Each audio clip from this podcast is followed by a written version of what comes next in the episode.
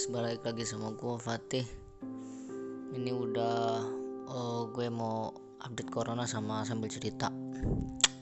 Sekarang korban corona terbaru udah sampai angka 890 coy. Ada di angka 890. Angka kematian karena corona ini udah mencapai angka uh, 55 dan yang sembuh baru 35 ya itu update buat corona hari ini. Terus juga hmm, kali ini uh, habis update corona gue mau lanjut cerita yang kemarin yaitu soal tentang uh, kali ini kita akan bahas tentang cewek atau tentang perempuan. Gini coy. Gue mau uh, kasih tahu gue ini kan lulusan pesantren gue juga ngafal Quran dan ini uh, ya mungkin ini jadi perbedaan pandangan gue dengan pandangan lu. Nah ini. Jadi kita mulai bahas. Coy generasi milenial. Siapa? Kita mulai dulu dari kata generasi milenial. Generasi milenial itu siapa sih? Yaitu generasi yang lahir terhitung semenjak dari angka 80 ke bawah atau 90 ke bawah. Itu mereka disebut dengan generasi milenial. Yang ketika mereka lahir itu teknologi udah ada. Udah ada laptop udah ada ini udah ada komputer. Nah. Dan mereka juga menghirup namanya udara demokrasi. Dan seiring itu juga kan dengan apa namanya ya maraknya sekularisasi pada kehidupan anak muda juga hedonisme yang makin gila-gilaan di zaman ini apalagi di tahun 2019 kemarin itu gue tahu sendiri ya. Gue jujur aja ya.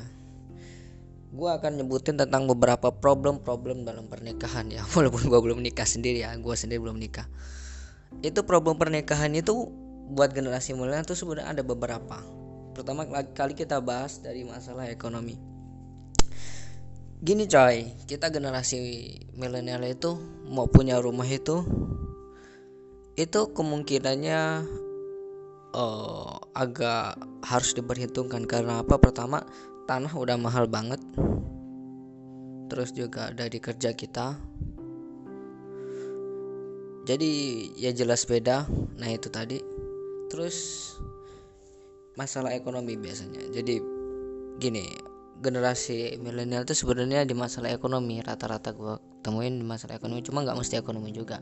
Hanya sebagian aja ada sebagian yang udah ekonominya mapan cuma ya terjadi masalah nah kita lanjut ke pembahasan kedua kedua itu yaitu adalah masalah komunikasi dengan pasangan yang gue perhatikan dari kebanyakan pasangan milenial itu salah dalam berkomunikasi salah dalam memahami pasangan salah juga dalam memberi persepsi tentang pasangan.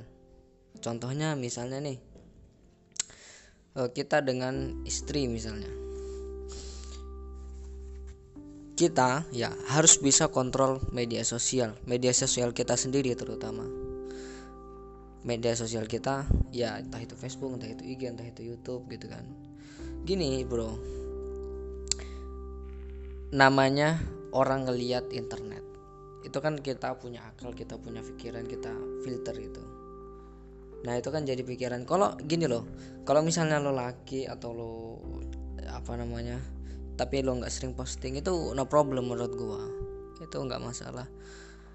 Sama sekali nggak masalah. Karena apa? Ya itu tadi lo cuma ngeliat aja. Cuma yang bahaya itu kalau misalnya lo punya follower banyak terus lo bisa mempengaruhi pandangan publik. Misalnya lo selebgram gitu kan terkenal gini di IG di gini di YouTube atau lu youtuber gitu kan influencer. Dan kita lanjut pembah apa kita kembali lagi ke poin awal tadi tentang komunikasi jadi generasi muda ini kadang salah dalam memahami komunikasi terutama dalam perspektif memandang media sosial. Tuh WA terutama ya. Jadi gua saranin ya gue tahu generasi milenial tuh suka banget namanya pacaran. Ya entah itu yang pacaran langsung atau kita single ya apa kita single aja atau misalnya uh, kita pakai kita pakai LDR gitu kan. Nah di sini nih ini poin yang sebenarnya gue tekenin di sini. Sebenarnya sih uh, tih gimana sih pandangan lu? Menurut lu misalnya ada seorang kita nih punya calon istri terus calon istri kita tuh punya mantan gitu loh. Itu gimana menurut lo bahaya nggak? Oh bahaya banget menurut gua. Karena apa? Dengan adanya mantan ya namanya kalau kita udah putus sama mantan coy kalau kalau kita mau bener-bener tobat dari dia dan dia tuh nggak jadi masalah atau ancaman buat kita di masa depan kita harus blokir. Hapus wa nya kita blokir di Instagram di ini di ini di ini kita nggak usah hubungan lagi. Karena apa? Itu tadi nanti takutnya jadi potensi untuk apa namanya uh, retakan rumah tangga ketika rumah tangga nanti dan itu tadi. Kan kita nggak tahu istri kita nelpon. Kalau istri kita ngechat kita bisa periksa hp kalau dia nelpon gimana? Nah ini yang jadi titik pandang gua di situ kurang bisa dalam manajemen uh, terutama ya smartphone. Kurang bisa manajemen HP jadi nggak bisa kontrol postingan gitu gitu kan. Padahal semuanya yang kita tahu itu nggak mesti harus diumbar ke publik gitu loh. Nggak harus mesti kita sampaikan ke publik. Tuh itu poin kedua.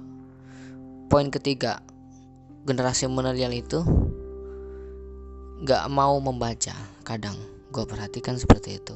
Mereka nggak mau belajar kepada generasi-generasi yang udah umur umur 40 yang udah menjalani kehidupan udah sekitar sekian berapa tahun menikah sekian berapa tahun menikah. Jadi juga jangan buat generasi milenial terutama ya ini buat gue sendiri juga itu jangan ekspektasi dengan pasangan tuh jangan gede-gede gitu loh. Sederhana aja baik tulus masalah cat terus nanti dia solehah nanti masalah selanjutnya yang lainnya kita bisa perhitungin gitu loh. Nah inilah yang sebenarnya jadi pandangan-pandangan gua terutama dalam memandang realita hidup. Nah seperti itu. Ya kebanyakan ya itu tadi generasi milenial pada nggak mau belajar. Akhirnya apa? Ya kita nggak tahu gimana dulu kan orang tua atau founding father kita ngalamin namanya dinamika dari tadinya mereka nggak pakai smartphone terus mereka pakai smartphone. Kalau asal lo mau tahu aja berapa banyak orang selingkuh gara-gara pakai WA berapa banyak orang itu hancur rumah tangganya gara-gara media sosial? Berapa banyak orang yang hancur gara-gara setiap dia ada apa ada apa diekspos terus ke publik? Nggak diomongin nggak diomongin dengan pasangannya. Nah itu pelajaran buat kita semua. Jadi gini coy. WA FB Instagram YouTube. Gue gue nggak nggak nyalahin. Lo main IG lo main ini main ini. Cuma asal misalnya ketika lo rumah tangga lo harus tahu juga mana yang harus diomongin ke publik mana yang harus lo simpen gitu loh. Nah itu.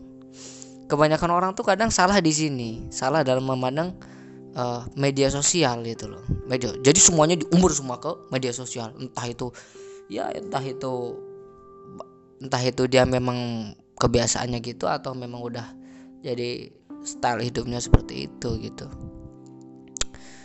Pertama yaitu pertama masalah ekonomi kedua komunikasi ketiga media sosial itu masalah utamanya. Kenapa gue bilang di sini media sosial? Karena media sosial itu coy kemungkinan untuk melakukan selingkuh itu sangat besar gue bilang. Sebesar apa kalau lo tanya sama gue besar banget. Karena apa? Ya kita pertama kalau akun kita cuma kita cuma sandi doang kita yang cuma sandinya doang kita yang tahu. Nah itu nah di sinilah. Nih di sini celah. Nah di sini itu yang jadi apa namanya uh, celah buat selingkuh atau kita tuh berbohong sama pasangan atau gimana. Lewat media sosial.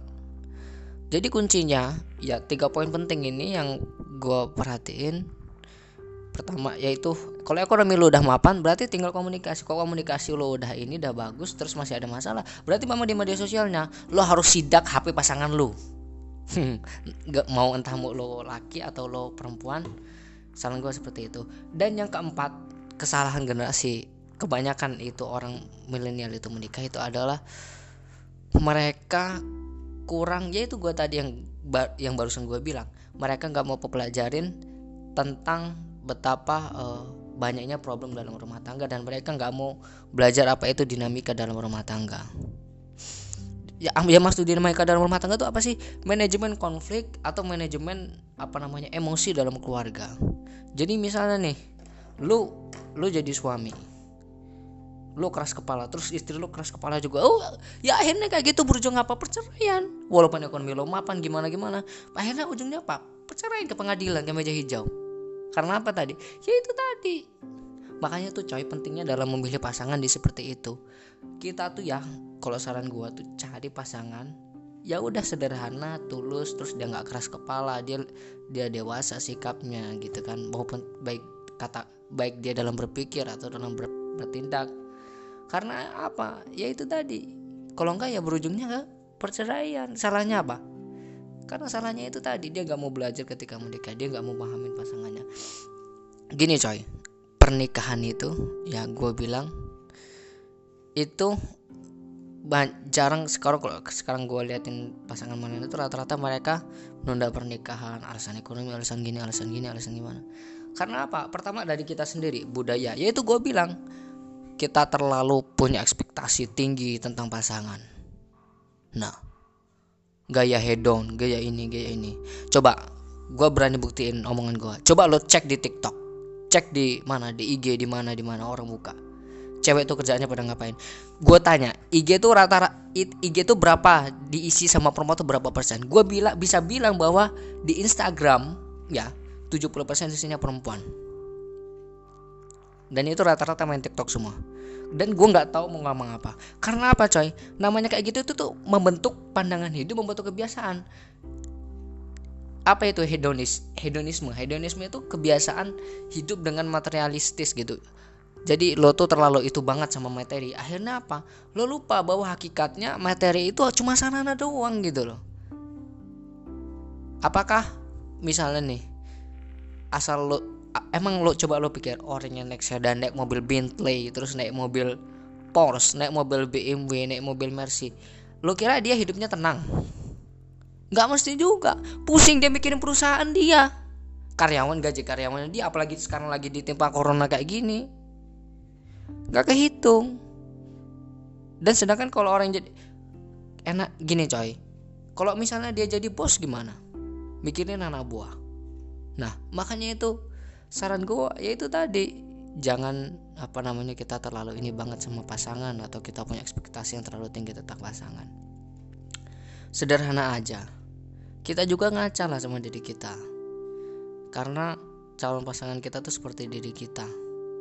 Dan kalau gue sendiri ya mau pasangannya gimana sih? Gue soleha tulus baik cantik nggak neko-neko sederhana.